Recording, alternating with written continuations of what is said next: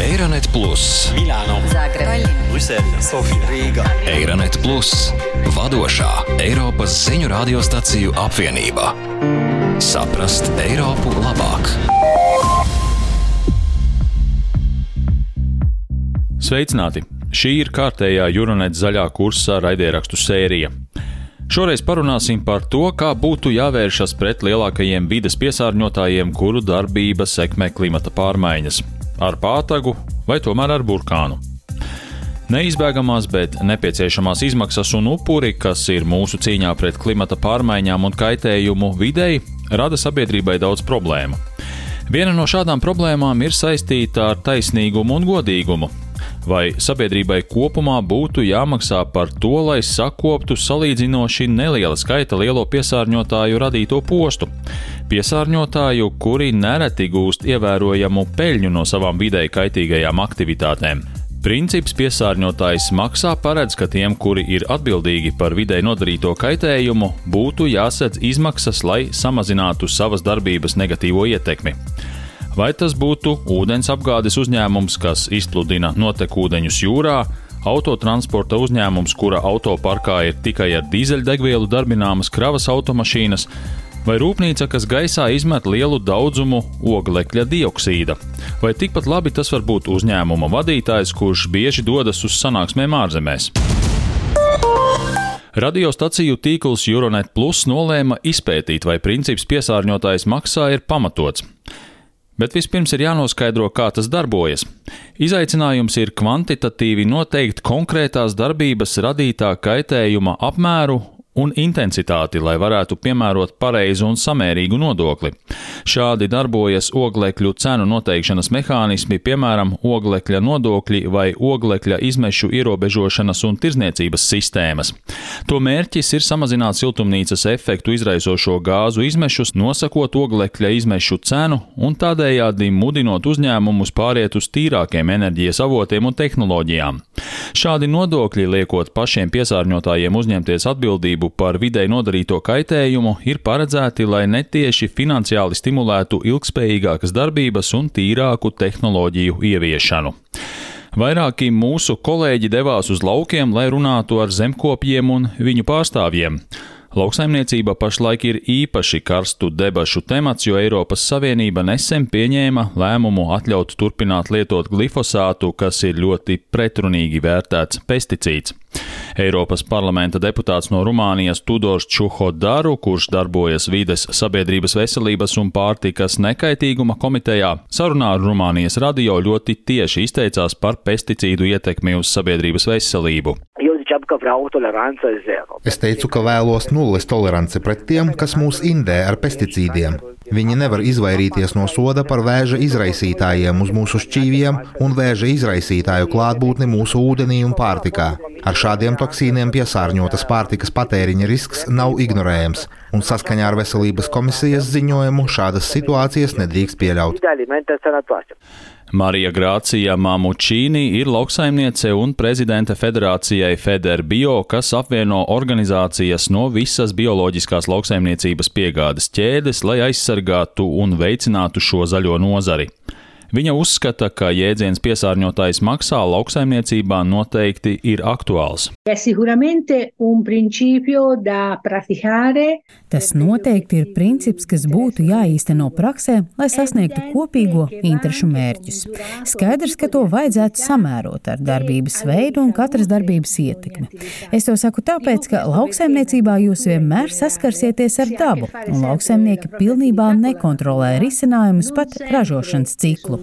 Ļoti bieži pat lauksaimnieku pareizi veiktas darbības, piemēram, ķīmisko līdzekļu izmantošana auga aizsardzībai, tomēr rada piesārņojumu videi.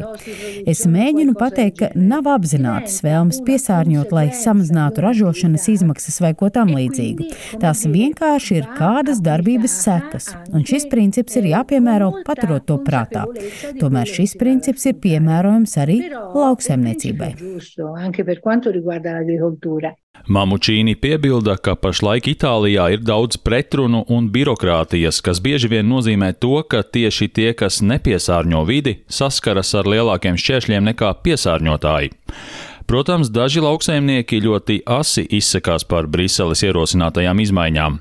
Piemēram, Lietuvas lauksaimnieku savienības priekšsēdētāja vietnieks Marijus Skaktis uzsver, ka prasība pēc arvien vidē draudzīgākiem risinājumiem rada lielu spiedienu uz jau tā grūtībās nonākušajiem zemniekiem un galu galā var likt daudzām saimniecībām izbeigt savu darbību. Mēs noriedamies, reiškia, ir to tāržu sumažinti. Ir... Mēs vēlamies samazināt piesārņojumu, bet izdarot spiedienu uz lauksēmniekiem saistībā ar ekoloģiju un vidas aizsardzību, viņi redzēs, ka nevarēs izdzīvot un tāpēc atteikties no mājlopiem.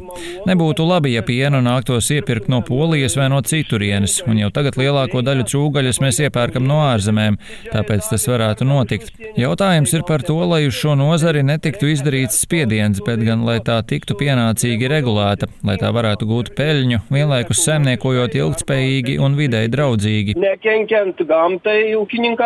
Tomēr pētījumā, ko septembrī publicēja platforma TP Organics, kas apvieno mazos un vidējos uzņēmumus, lauksaimniekus, patērētājus un zinātniekus, teikts, ka Eiropas Savienības plāni samazināt pesticīdu lietošanu, aizsargāt augsni un atjaunot dabu ir gan sasniedzami, gan nepieciešami. Platforma aicina Eiropas Savienības lēmumu pieņēmējus turpināt attīstīt bioloģisko lauksaimniecību, nevis dot priekšroku ražas palielināšanai par jebkuru cenu. Bet jautājums ir, vai mums tas jādara, izmantojot burkānu vai pātagu. Slovēnijas ilgspējīgas attīstības fonda profesors un projektu vadītājs dr. Jonas Zonenšeins ir skeptisks par piesārņojuma nodokļiem, taču atbalsta stingrus pasākumus. Gaļas ražošanas ietekme uz vidi ir milzīga, bet tā vietā, lai to apliktu ar nodokļiem, mēs subsidējam lopkopību.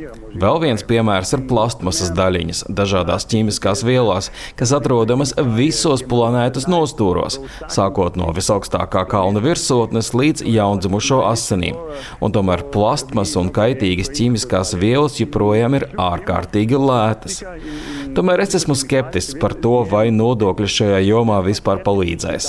Es gribētu veicināt citus risinājumus, kā mēs to darījām ar spuldzēm vai elektroautoriem. Mums ir vajadzīgi stingri noteikumi vai varbūt pat aizliegumi, kā tas ir pierādīts šajās jomās. Apgaismojums tagad nav sliktāks kā agrāk, elektroautori nav sliktāki. Tāpēc es esmu pārliecināts, ka dzīve ar mazāk plastmasas un mazāk gaļas mums būs labāka, nevis sliktāka. IT nozarē strādājošā vācu uzņēmēja Mariona Šulca atbalsta pozitīvāku pieeju. Iespējams, ka ir nepieciešams pilnīgi cits domu gājiens. Kāpēc gan neatbalstīt uzņēmumus, kas izrāda īpašu vēlmi rūpēties par vidi, kas izstrādā īpašus pasākumus un attiecīgi pārveido savus uzņēmumus vai izstrādā jaunus produktus, kuri patiešām aizsargā vidi un nav tikai pseido pārveidojumi? schonen und nicht nur als Pseudo-Umstellung gelten können. Galu galā daudzas iesaistītās personas atbalsta divpusēju rīcību - stimulēt un vajadzības gadījumā sodīt. Šādu pieeju noteikti atbalsta arī ekonomiste Kinga Thuševska no Kozmīnska Universitātes Varšavā. Viņa sarunājās ar Polijas radio. E, Šķiet, ka vislabāk darbojas burkānu un pātagas kombinācija, jo no vienas puses uzņēmumiem ir jādod skaidrs signāls, ka ir vērts ieguldīt līdzekļus zaļās enerģijas ražošanā, tomēr tie saskars arī ar investīciju barjeru, jo šīs tehnoloģijas joprojām ir diezgan dārgas. Tāpēc apvienojot skaidru signālu, signāli, ka piesārņojuma izmaksas būs augstas un turpmākajos gados palielināsies, ar to, ka lēmumu pieņēmēji nodrošinās subsīdijas ieguldījumiem, zināmā mērā tiek novērsta šī barjera un uzņēmumi ir gatavāki ieguldīt zaļajās tehnoloģijās.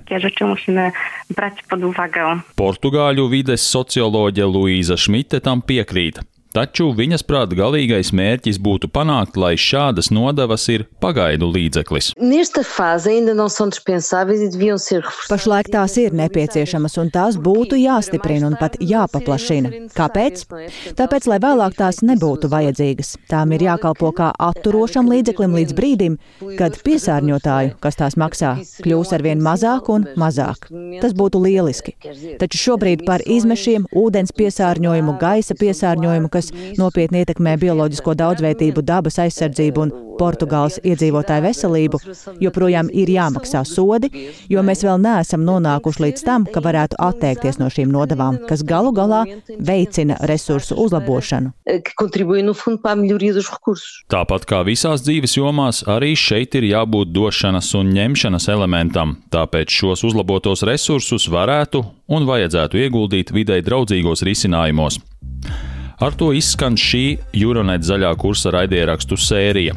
Paldies, ka klausījāties un uz sadzirdēšanos! Eironet Plus